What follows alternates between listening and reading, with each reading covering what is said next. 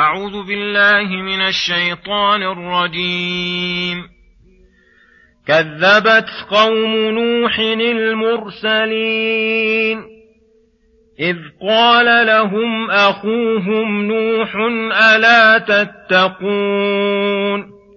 إني لكم رسول أمين. فاتقوا الله وأطيعون. وما اسالكم عليه من اجر ان اجري الا على رب العالمين فاتقوا الله واطيعون قالوا انومن لك واتبعك الارذلون قال وما علمي بما كانوا يعملون إن حسابهم إلا على ربي لو تشعرون وما أنا بطارد المؤمنين إن أنا إلا نذير مبين قالوا لئن لم تنته يا نوح لتكونن من المرجومين. قال رب إن قومي كذبون. فافتح بيني وبينهم فتحا ونجني ومن معي من المؤمنين. فأنجيناه ومن معه في الفلك المشحون. ثم أغرقنا بعد الباقين. إن في ذلك لآية. وما كان أكثرهم مؤمنين. وان ربك لهو العزيز الرحيم بسم الله الرحمن الرحيم. السلام عليكم ورحمة الله وبركاته. يقول الله سبحانه كذبت قوم نوح المرسلين. يذكر تعالى تكذيب قوم نوح لرسولهم نوح وما رد عليهم وردوا عليه. وعاقبة الجميع فقال كذبت قوم نوح المرسلين. جميعهم لأن تكذيب نوح كتكذيب جميع المرسلين لأنهم كلهم اتفقوا على دعوة واحدة وأخبار واحدة فتكذيب أحدهم كتكذيب بجميع ما جاءوا به من الحق. كذبوه إذ قال لهم أخوهم في النسب نوح وإنما ابتعث الله الرسل من نسب من أرسل إلي من أرسل إليهم لئلا يشمئزوا من الانقياد له ولأنهم يعرفون حقيقته فلا يحتاجون أن يبحثوا عنه. فقال لهم مخاطبا بألطف خطاب كما هي طريقة الرسل صلوات الله وسلامه عليهم ألا تتقون الله تعالى؟ فتتركون ما أنتم مقيمون عليه من عبادة الأوثان وتخلصون العبادة لله وحده. إني لكم رسول أمين. فكونه رسولا إليهم بالخصوص يجب لهم تلقي ما أرسل به إليهم والإيمان به ونشكر الله تعالى على أن خصهم بذلك الرسول الكريم. وكونه أمينا يقتضي أنه لا يقول على الله ولا يزيد في وحيه ولا ينقص. وهذا يوجب لهم التصديق بخبره والطاعة لأمره. فاتقوا الله وأطيعون فيما, أمر فيما أمركم به ونهاكم عنه. فإن هذا هو الذي يترتب على كونه رسولا إليهم.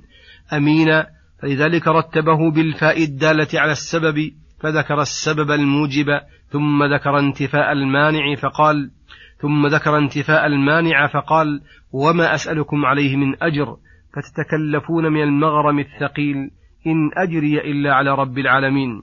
أرجو بذلك القرب منه والثواب الجزيل.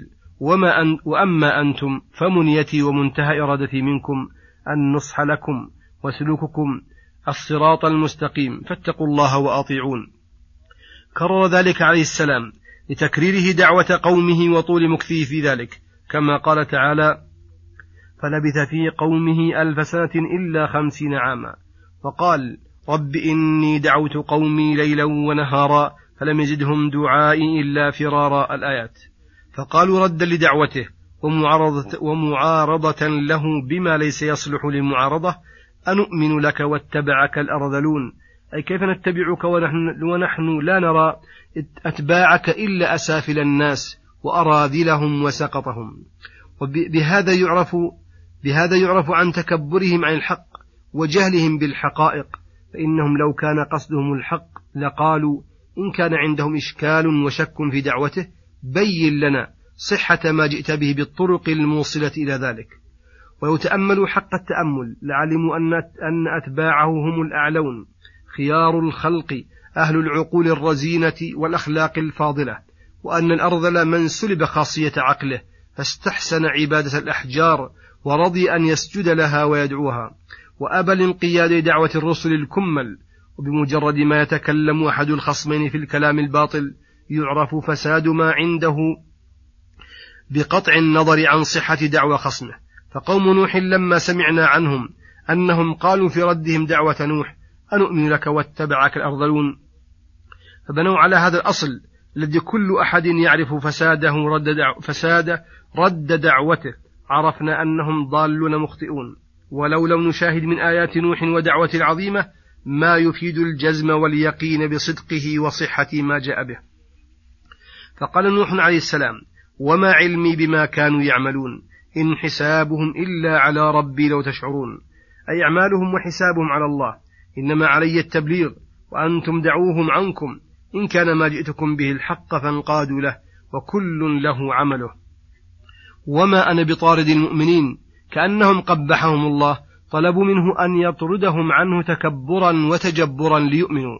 فقال وما أنا بطارد المؤمنين فإنهم لا يستحقون الطرد والإهانة وإنما يستحقون الإكرام القولي والفعلي كما قال تعالى وإذا جاءك الذين يؤمنون بآياتنا فقل سلام عليكم كتب ربكم على نفسه الرحمة.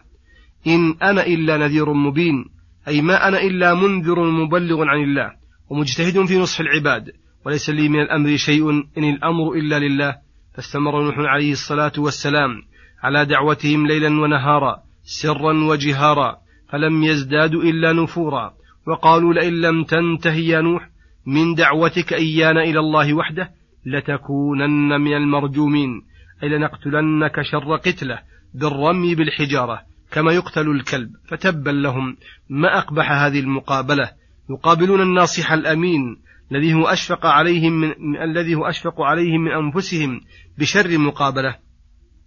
لا جرم لما انتهى ظلمهم واشتد كفرهم دعا عليهم نبيهم بدعوة أحاطت بهم فقال رب لا تذر على الأرض من الكافرين ديارا الآيات.